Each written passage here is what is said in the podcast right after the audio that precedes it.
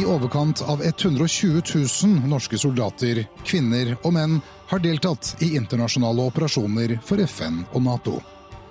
Norske soldater har utvist stort mot og profesjonalitet i krevende situasjoner. De har tjenestegjort på land, til sjøs og i luften. Noen kom ikke hjem. Andre fikk fysiske eller usynlige skader. Noen få er blitt hedret og æret som krigshelter. Felles for alle er viljen til å yte det lille ekstra for at andre skal få nyte den freden og friheten vi andre tar for gitt. Vi kan ikke tillate oss å glemme dem. De må få fortelle sin historie fra egen munn. Et øyeblikk, en evighet, gir deg norske soldaters mest intense øyeblikk. Øyeblikk som varer en evighet.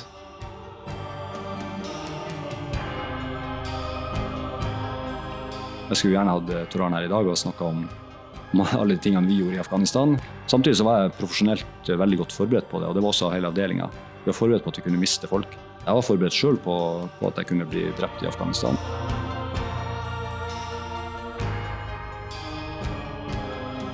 Ja, velkommen hit til bygning 1. De gamle kontorene til eh, Gunnar Sønsteby. Og eh, også et museum for Krigskorset. Og da er det jo ekstra hyggelig å ha med forsvarssjef Eirik Kristoffersen her eh, i dag. Velkommen.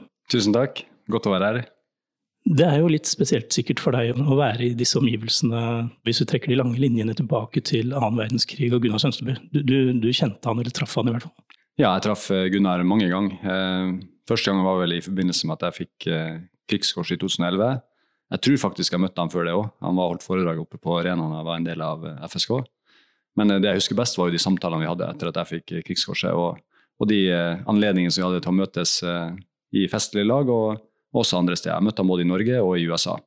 Det som var spesielt med Gunnar, var jo at han, han var ikke opptatt av seg sjøl i det hele tatt. Han var opptatt av, av, hvorfor det var så viktig at vi ikke tok fred, frihet og demokrati for gitt. Og det la han bestandig vekt på. Han var også veldig opptatt av, av at det var Han kalte det gutta, da, altså soldatene, som var det, var det, aller viktigste i Forsvaret. Jeg husker når vi spiste middag i Washington DC, så, så når, jeg skulle gå, så, så sa han at Lykke til videre, Eirik. Du må hilse gutta. Jeg driter i alt det andre. Så eh, han var en veldig eh, fyr som var veldig nedpå, eh, samtidig som han, vi alle selvfølgelig hadde enorm respekt for alt han hadde gjort under krigen, og, og ikke minst det han gjorde etter krigen. Du henger jo faktisk på veggen her borte, du. Eh, på den plaketten som er hengt opp for de som har mottatt krigskorset med sverd. Eh, kjenner, kjenner, du noe på det når du er her? Jeg gjør jo det. Altså, jeg kjenner jo på, på det ansvaret det medfører med å få krigskorset med sverd. Eh, og der er det jo ingen som er bedre forbilder enn eh, nettopp Gunnar Sønsteby, Joakim Rønneberg og alle de andre heltene fra andre verdenskrig. Så, så, vi som har vært så heldige å få det her i nyere tid, vi, eh, vi har en jobb å gjøre med å, med å, videreføre den arven som nettopp de, de sto for, og sørge for at nye generasjoner også blir kjent med viktigheten av at vi har et forsvar, og, og hvorfor vi egentlig har det. Nettopp for å hindre krig og, og bevare den, den, freden og friheten som, som de opplevde bli tatt fra dem på fem år under, under krigen. Da. Mm. Men det begynte jo ikke med krigskors akkurat. Du, du, dro til eh, Libanon først. Og det var i kontingent 28? Ja, 28 stemmer det. Jeg, var, eh, jeg hadde jo bestemt meg for å slutte i Forsvaret når jeg var ferdig med, med pliktåret som sersjant på Skjold. Og jeg gjorde faktisk det. Eh, jeg begynte på, på skole i Trondheim. Men jeg savna Forsvaret veldig. Jeg savna miljøet, jeg savna folkene. Jeg savna tilliten og, og, de oppdragene jeg fikk da jeg var sersjant på Skjold. Eh, som gjorde at jeg eh, ganske raskt eh, kom tilbake igjen i Forsvaret i januar 91. Og da var det jo trangen for å reise ut og være med på en FN-operasjon som var det viktigste den gangen, som, som, drev meg tilbake til Forsvaret. I tillegg til, til det at jeg savna folkene og, og, selve jobben. Så det var hele tida et mål for meg når jeg kom tilbake igjen som engasjert fenrik den gangen på en rekruttskole på Hønefoss, å komme meg til, til Libanon. Og, og så lyktes jeg med det. Jeg ble fikk et varsel på høsten i, i 91 om at jeg skulle til, til Libanon i pionertroppen som pionerlagfører i kontingent 28. Og uh, Grunnen til at jeg ble, eller fikk jobben, var jo for at uh, han som egentlig hadde fått den, trakk seg. Uh, I 1991 så var det stor arbeidsledighet i Norge. Veldig mange av de som reiste ut, var, var arbeidsledige. Og, og, og, vi foretrakk jo da, eller de som plukka ut folk, foretrakk å plukke ut de som ikke hadde noe jobb akkurat da, men som var kvalifisert til å reise til Libanon. Jeg hadde jo en jobb, og så kom jeg inn som reserve eh, og fikk en, eh, en eh, kontingent i, i Pi-troppen som også ble forlenga med rekap til kontingent 29. Men så kom jeg inn på krigsskolen og, og avbrøt midtveis i kontingent 29. Du har tidligere sagt at tiden i Libanon den var med å lage et grunnlag for deg? At du opplevde ting der som gjorde at du, du ville fortsette? Ja, jeg hadde jo, hadde jo, egentlig bestemt meg for å gå tilbake igjen til Forsvaret. og og Den gangen så var det kun én mulighet, det var å søke krigsskolen, eh, hvis du skulle ha et, eh, et livslangt engasjement. Hadde, hadde, det systemet vi har i dag, med spesialistbefal og offiserer, eh, vært til stede i, i 91-92, så hadde jeg jo for det første fullført den andre kontingenten min i Libanon, og så hadde jeg jo verva meg som eh, lagfører i, i Hæren. Men det, sånn var det ikke, eh, så jeg, jeg søkte krigsskolen og kom inn på den, og, og da, eh, da, ble det på en måte veien videre lagt. Det som var spesielt for meg i Libanon, var jo nettopp det å få være lagfører for et uh, pionerlag. Uh, vi hadde et variert sett med oppgaver. Vi, uh, primært så var det mineklarering og minerydding som, som, var det vi skulle gjøre. Men også en rekke andre oppdrag. Så pionertroppen var, var, lokalisert på en høyde i Kompani B-Teigen i Norbat. Og på den høyden som vi kalte Pi-høyden, der hadde vi vår base. Vi hadde et OP-tårn som vi bemanna, så vi observerte aktiviteten i, i vårt eh, ansvarsområde hele tida, døgnet rundt. Eh, vi gikk veiklarering hver morgen for å sjekke at det ikke lå veibomber veibombe eller, eller improviserte eksplosiver i veikanten, som var en ganske lang patrulje på mange kilometer, der vi, der vi hver morgen gikk den, den ruta. Og så, og så var vi en utrykningsstyrke i fall det skulle være enten bombeangrep eller funn av eksplosiver i hele Norbat. Eh, så jeg opplevde jo stor frihet til å reise rundt i hele Teigen eh, med laget mitt og, og gjøre de jobbene som, eh, som dukka opp. Kan du, kan du, huske tilbake på hvordan du på måte kjente det når du først kom til Libanon? I den første tiden, det, Hadde du forventninger i forkant? Hvordan, hvordan opplevde du det? Ja, det var, en, det var, en, stor opplevelse å komme til Libanon. Vi, vi fløy jo inn via Israel den gangen. Ble transportert i i buss til grensen til Libanon. Jeg husker vi stoppa underveis og spiste mat på en lokal restaurant i Israel.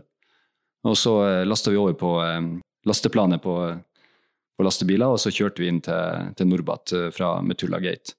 Vi kom opp til, til Pi-troppen, ble, ble, introdusert av de erfarne rekap, som vi kalte det, altså de som hadde vært en kontingent før, og som var med nå i, også i 28. De, de introduserte oss for for leiren og prosedyrene og, og, det som er gjaldt av eh, vaktrutiner og, og, beredskapsmessige forhold. Og så eh, gjorde vi egentlig klart til strid før vi gikk ned i baren og, og oppsummerte eh, dagen. Det som var mm, Forventningene mine var jo at, eh, at det var et skarpt oppdrag, og det var det jo absolutt. Eh, en av de første kveldene så ble jo, ble jo leiren overskutt av artilleri, som gjorde at vi alle måtte gå i, i shelter eller gå i dekningsrom.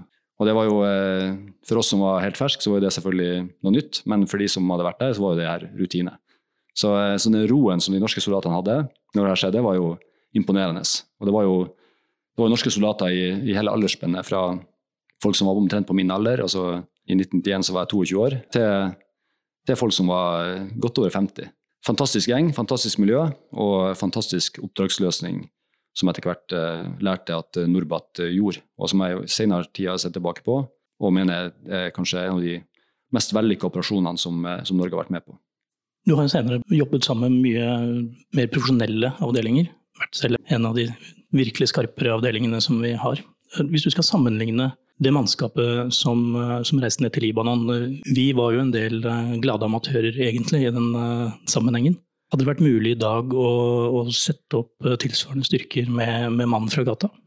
Absolutt, mener jeg. Eh, det som, eh, du har helt rett i at var mye av det vi gjorde, var ganske amatørmessig. Altså Når det kommer til felles forståelse av prosedyrer, felles nivå på, på skyting, sanitet, samband, fysisk form, altså det gjelder bæreferdighetene, så er det stort sprik. Vi hadde folk som kom fra veldig variert bakgrunn i, i, i Forsvaret. Noen hadde opplagt ingeniørbakgrunn, som meg, og og kunne gjøre jobben direkte. Andre kom fra saniteten og hadde nesten ikke skutt med, med AG3. De hadde utlevert pistol når de var inne til førstegangstjenesten, og, og, det var et stort spenn. Det som var, var felles, var jo nettopp trua på, på, at vi kan løse oppdraget. Og, og eh, den sivile kompetansen de tok med seg inn, som også har sett senere i Heimevernet, er helt uvurderlig. Mange av de eh, soldatene var jo både håndverkere, de var maskinførere. altså De kunne gjøre en jobb, og de tok med seg den sivile kompetansen og fant nye løsninger på, på de problemene vi sto oppi når vi skulle, skulle løse oppdrag. Så det som er felles da, både mellom den gjengen som jeg var i Libanon sammen med, og, og de folkene jeg jobba med i fjernoppklaring senere, og ikke minst i spesialstyrkene, det er jo den utrettelige trua på at uh, vi kan løse oppdraget. Altså den forsvarsviljen. Trua på at det fikser vi. Og vi gjør det beste ut av det vi har. Det var uh, kanskje det, det, jeg satt mest med igjen fra Libanon, var jo nettopp den viljen og dugnadsånden som jeg også har sett uh, senere i Heimevernet. Dugnadsånd er jo en nøkkel her, fordi da du var nede, hadde dere god kontakt med de sivile, som vi tross alt var nede for å passe på?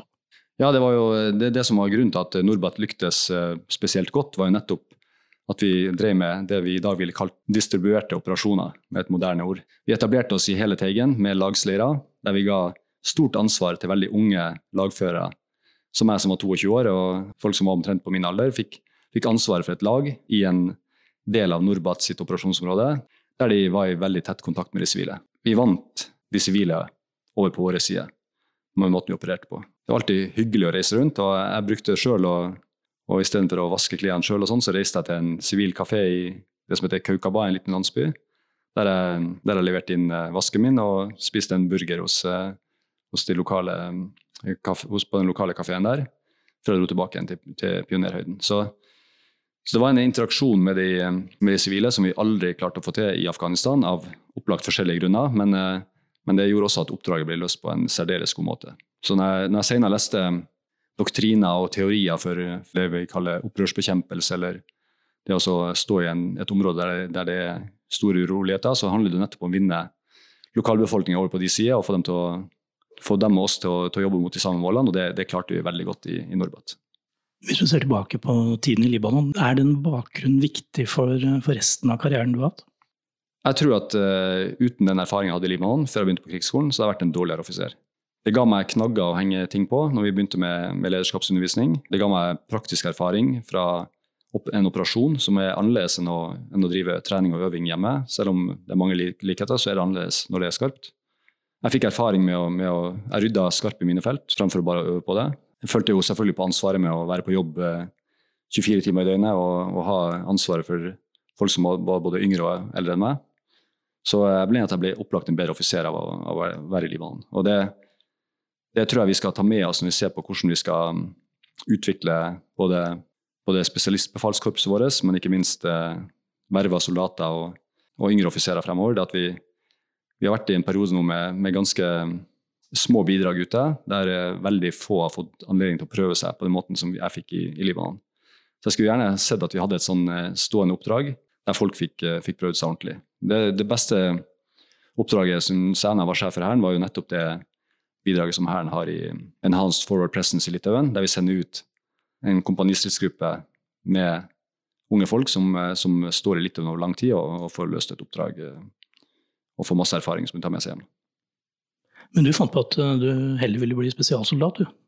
Ja, det kom jo senere. Så, så etter krigsskolen så, så, var det jo fortsatt soldatlivet som tiltrakk meg. Jeg likte jo veldig godt å være, være lagfører og, og, holde på med de tingene jeg gjorde i livet Eh, og da når FSK da i 1999 åpna for, eh, for, opptak for eh, alle som hadde vært i Forsvaret, og ikke bare fallskjermjegere og marinejegere, som det hadde vært tidligere, så søkte jeg jo. Og det er jo sikkert inspirert også av det jeg opplevde i Libanon. Altså det at jeg, jeg syns soldatyrket er kanskje den viktigste grunnen til at jeg valgte å være i Forsvaret. Og hadde ingen planer den gangen om en om en karriere som jeg har opplevd senere. Eh, for meg var det viktigere å gjøre det jeg hadde lyst til, og, og gå tilbake igjen til å være soldat fremfor å være offiser og leder. Igjen, på bakgrunn av at det ikke fantes en ordning for militært tilsatte som vi har i dag, med spesialister og offiserer, så var det naturlig for meg å, å bli spesialjeger og drive med fag igjen. Og hvis jeg går helt tilbake igjen til 91, så, så står jeg for det jeg, det jeg sa innledningsvis, at, eh, at, hadde det systemet vært i dag, så, så hadde jeg verva meg som, eh, som korporal. Jeg syns jo korporal er den, eh, kanskje en av de viktigste gradene og posisjonene vi har i Forsvaret.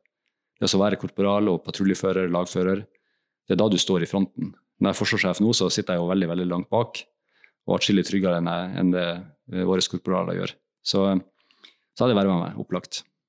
Men du dro til Afghanistan fordi det, det sammenfalt jo med den uh, rollen du fikk da i spesialstyrkene. Og det var jo intenst, vil jeg tro. Hva er ditt mest intense øyeblikk? Ja, det er jo mange intense øyeblikk. så det som er mest intenst i, sånn i karrieremessig, så er jo det Så vil jeg si det var det å bli spesialjeger i FSK i 99. Det å komme gjennom opptaket og få beskjed om at jeg var blitt utvalgt, det var kanskje det mest definerende øyeblikket for meg. Da, da følte jeg på en ordentlig måte at jeg hadde bevist at jeg duger som soldat. Det var utrolig flinke folk rundt meg, og, og jeg var en av de 13 som kom gjennom og, og ble akseptert av opptaksrådet. Det var nok det, det mest spesielle øyeblikket i min militære karriere. Og så er det selvfølgelig en haug med øyeblikk fra Afghanistan, men, men, forskjellen på de øyeblikkene som var både i, Libanon og Afghanistan, og, og, det å bli spesialsoldat, var jo at alle de andre gangene så var jeg en del av et team, en del av et lag, en del av en tropp eller en styrke som FSK, der, eh, der alle sammen bidro til at, eh, til at øyeblikkene ble intense og, og, enten gikk bra eller dårlig. Så, så det, det, mest intense er nok det å bli spesialsoldat. Det, var, det glemmer jeg aldri. Var du redd noen gang når du var ute? Når jeg var i Afghanistan, så var jeg ikke, ikke redd. Heller ikke i Libanon. Jeg var ikke det. Det var ingen øyeblikk der som gjorde at jeg følte at uh, nå går det skikkelig dårlig. Det var mange ganger jeg var bekymra, spesielt uh, for de udefinerte truslene som uh, veibombe, improviserte eksplosiver, det å kjøre inn i et bakhold. Det er sånne, da, da føler du at du mister kontrollen det, når, det, når, trusselen der blir for stor. Og det, det er en ubehagelig bekymring. Men jeg var ikke redd. Det var jeg ikke. Jeg var ikke redd uh, i Libanon fordi jeg følte at jeg visste hva jeg gjorde uh, når jeg rydda mine felt. Det var det jeg var trent for i Ingeniøråpnet, selv om det bare var ett års befalsskole og ett års plikttjeneste. Så, så, følte jeg meg trygg på det. Når jeg var i Afghanistan, så, så var jeg bestandig omgitt av, av folk som var atskillig flinkere enn meg, og, og, spesialister på alle områder innenfor ildledelse, innenfor tyngre våpen, innenfor sprengning, innenfor sanitet. Altså det, var en, det var et team som gjorde at at det var ingen grunn for meg personlig å være redd. Det var det ikke. Du har jo alltid vært ute som, eh, i rollen som befal på et eller annet nivå. Hvordan har du forholdt deg til, eh, til mannskapene dine, som du tross alt har, eh, har ansvaret for? Ja, det er, jo, det er, jo, det som er på en måte bekymringa mi. Det er jo bestandig for folkene som jeg er sjef for. Derfor sier jeg jeg har ikke vært redd personlig, men, men jeg har vært bekymra for, for, om det skal gå bra med de. Altså, jeg føler stort på ansvaret for å få folkene hjem. Det er jo øyeblikk der jeg har tenkt at uh, at uh, nå utsetter jeg dem sjøl for så stor risiko at nå må jeg ta risikoen sjøl.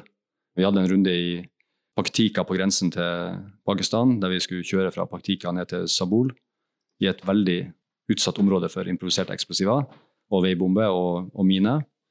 Og da merka jeg jo på et tidspunkt at uh, de vognførerne som kjørte fremst uh, i, de lette multikjøretøyene våre, begynte å kjenne presset. da, Og jeg så at stemninga ble dårlig. Så da bytta vi sånn at jeg kjørte fremst en periode. Og det, det, er sånn som det var i spesialstyrkene. Det var ingen som tok høyere altså Det var forventa at sjefene tok like høy risiko som, som mannskapene.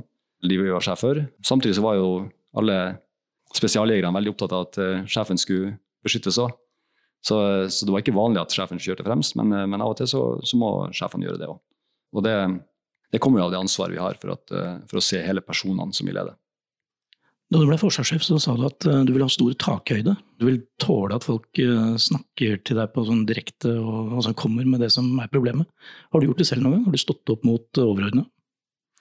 Ja, jeg har gjort det. Altså, jeg har prøvd på det. Men jeg er jo en jeg er nok ikke så flink som jeg burde vært til det. Jeg er nok mer en person som tenker at hvor, jeg, hvor er jeg bundet, hvor er jeg begrensa, hvor står jeg fritt?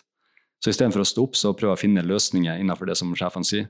Jeg har jo stått opp for, for en overordna der jeg argumenterte imot, men jeg argumenterte ikke godt nok imot. Så jeg var i ferd med å løse et oppdrag som jeg sjøl mente var, var, feil i Afghanistan i, i 2007.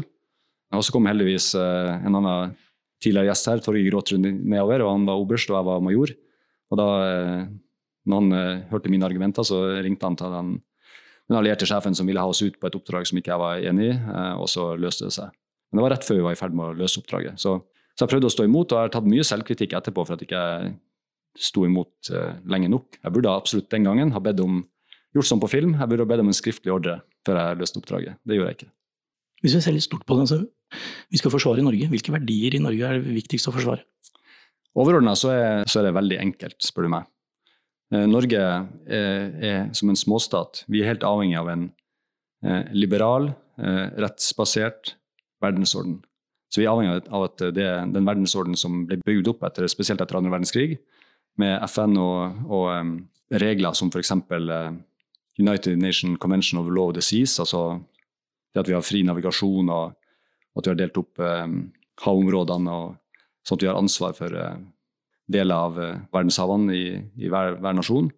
Mange sånne rettsbaserte verdensordensprinsipp har Norge tjent godt på, og vi står oss godt i det. Og det er det beste for utviklinga av verden nå, mener jeg. da. At vi, at vi fremmer demokrati og, og frihet og, og, fred. Så det, det, i det store bildet så er, så er det, det, det vi ønsker, tenker jeg med, med både forsvaret vårt og, og, grunnen til at vi er med på operasjoner i utlandet, også, er nettopp for å fremme en eh, rettsbasert verdensorden. Vi kan ikke stå og se på, på urett som begås.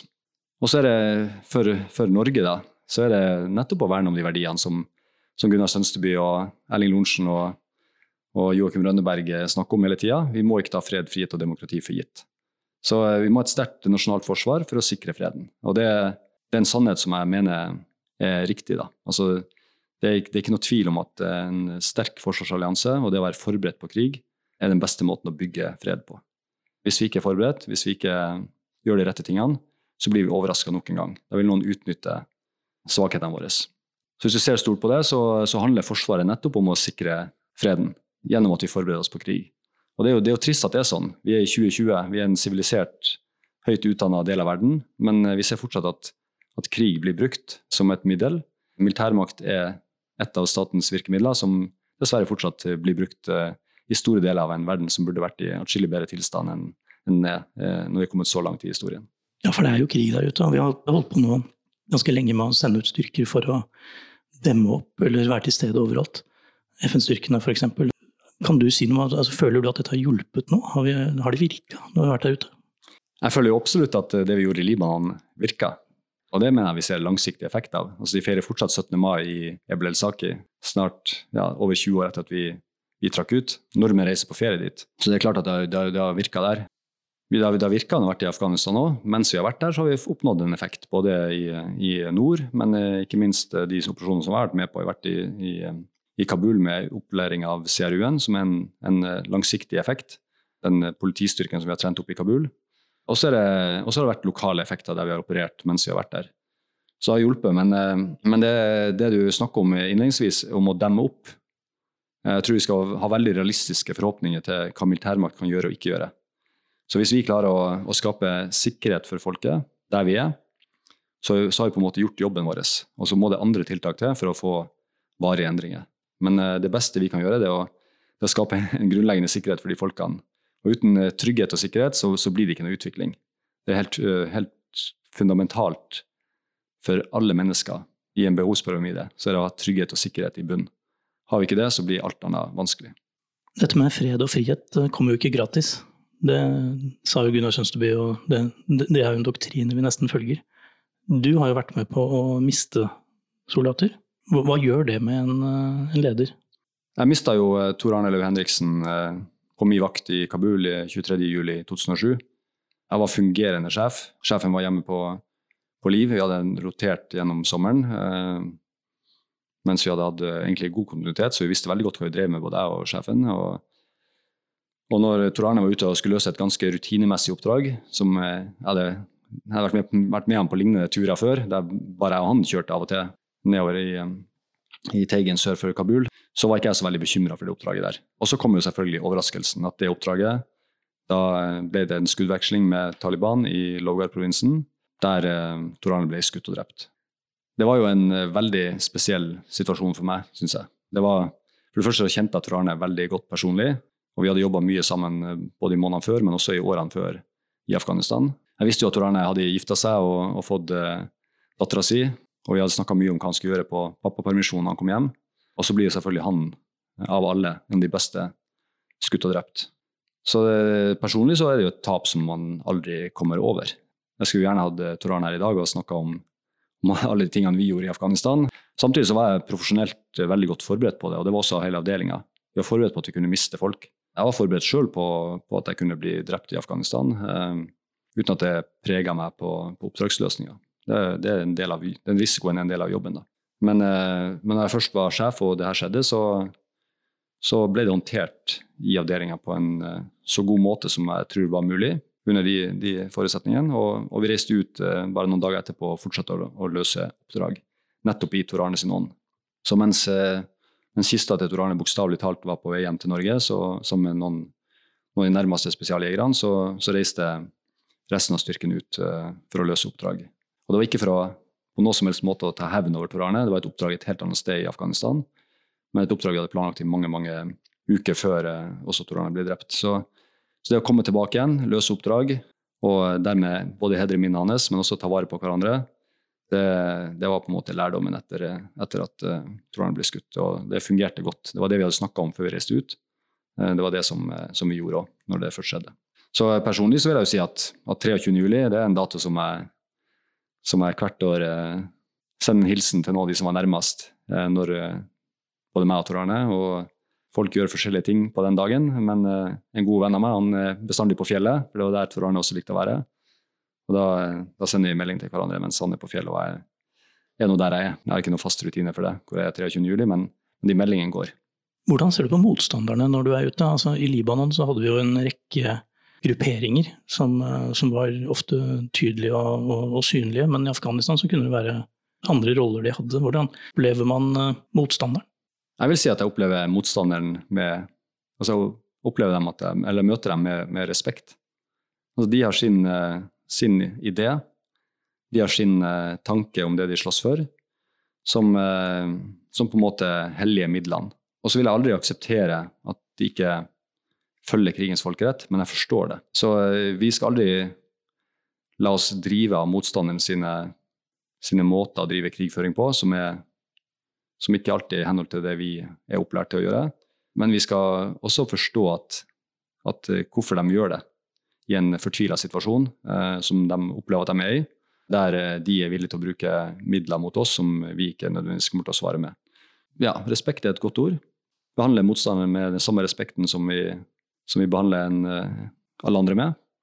Og så er det ikke noe forskjell på det og det å kunne utøve dødelig makt mot en motstander som er en trussel mot, uh, mot sivile liv eller våre egne liv. Så den respekten er, tenker jeg er helt vesentlig, at vi ikke synker ned heller på, på et nivå der vi sjøl uh, tar i bruk noen av de samme metodene som en motstander bruker. Da, da, er, da er, vi på gale veier. Så det, det, det er dualiteten i det her. Respekt for motstanderen, men samtidig akseptere Eh, alle virkemidlene de bruker, men forstå det. Og så ikke ta i bruk de samme virkemidlene sjøl. Hvis man er midt oppe i en, eh, en, situasjon hvor du er nødt til å bruke det du kaller dødelig makt, da. hvordan sikrer man f.eks. at uh, man unngår sivile tap? Det er jo veldig innarbeida prosedyre på det. For det første så, så, var jo de spesialsoldatene som var med på, var jo, vi var jo veldig veldig gode på, på presis bruk av makt. Vi, vi, trente jo bestandig på gisselredningsoperasjoner. Det var jo det som var hovedgrunnen til at jeg når jeg kom inn i FSK, så var det hovedoppdraget. da, Det var Å kunne bistå politiet i en, i en gisselredningsoperasjon i, i, Nordsjøen. Så veldig, veldig presis eh, maktbruk, pre, presis eh, ildgivning når det kommer til bruk av hver enkelt person sitt personlige våpen.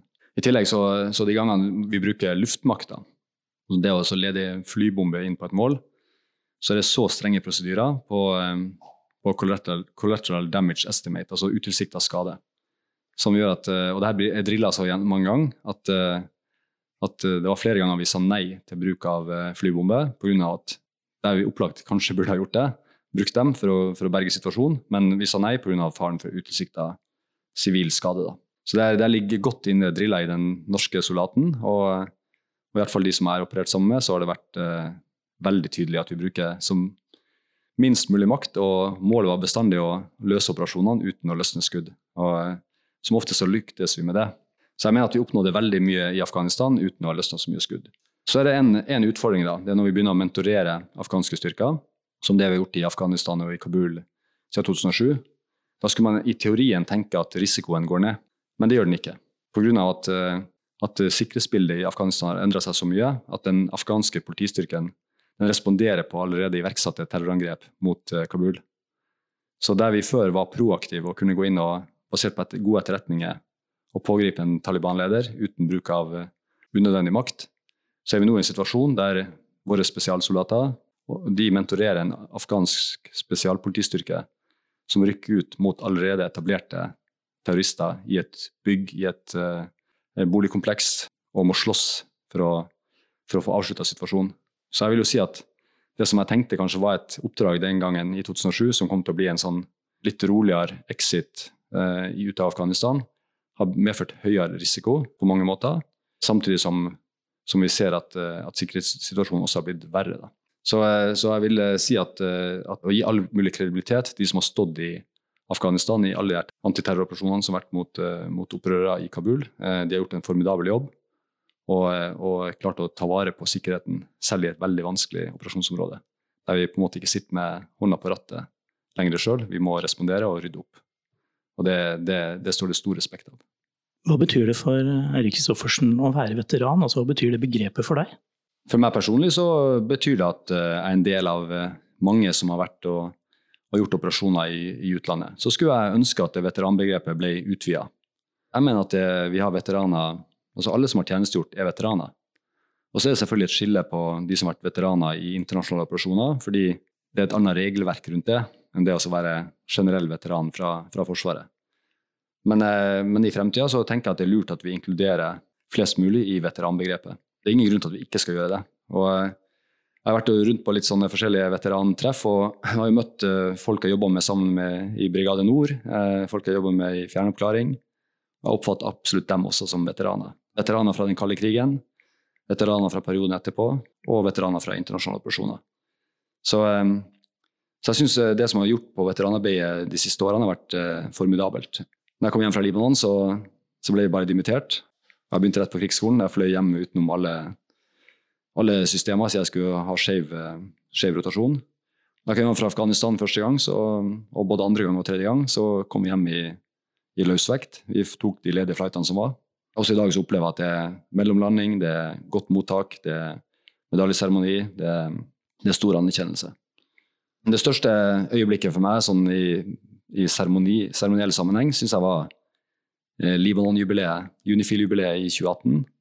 Der jeg møtte over 4000 Unifil-veteraner på plassen utenfor, utenfor Akershus eh, festning her.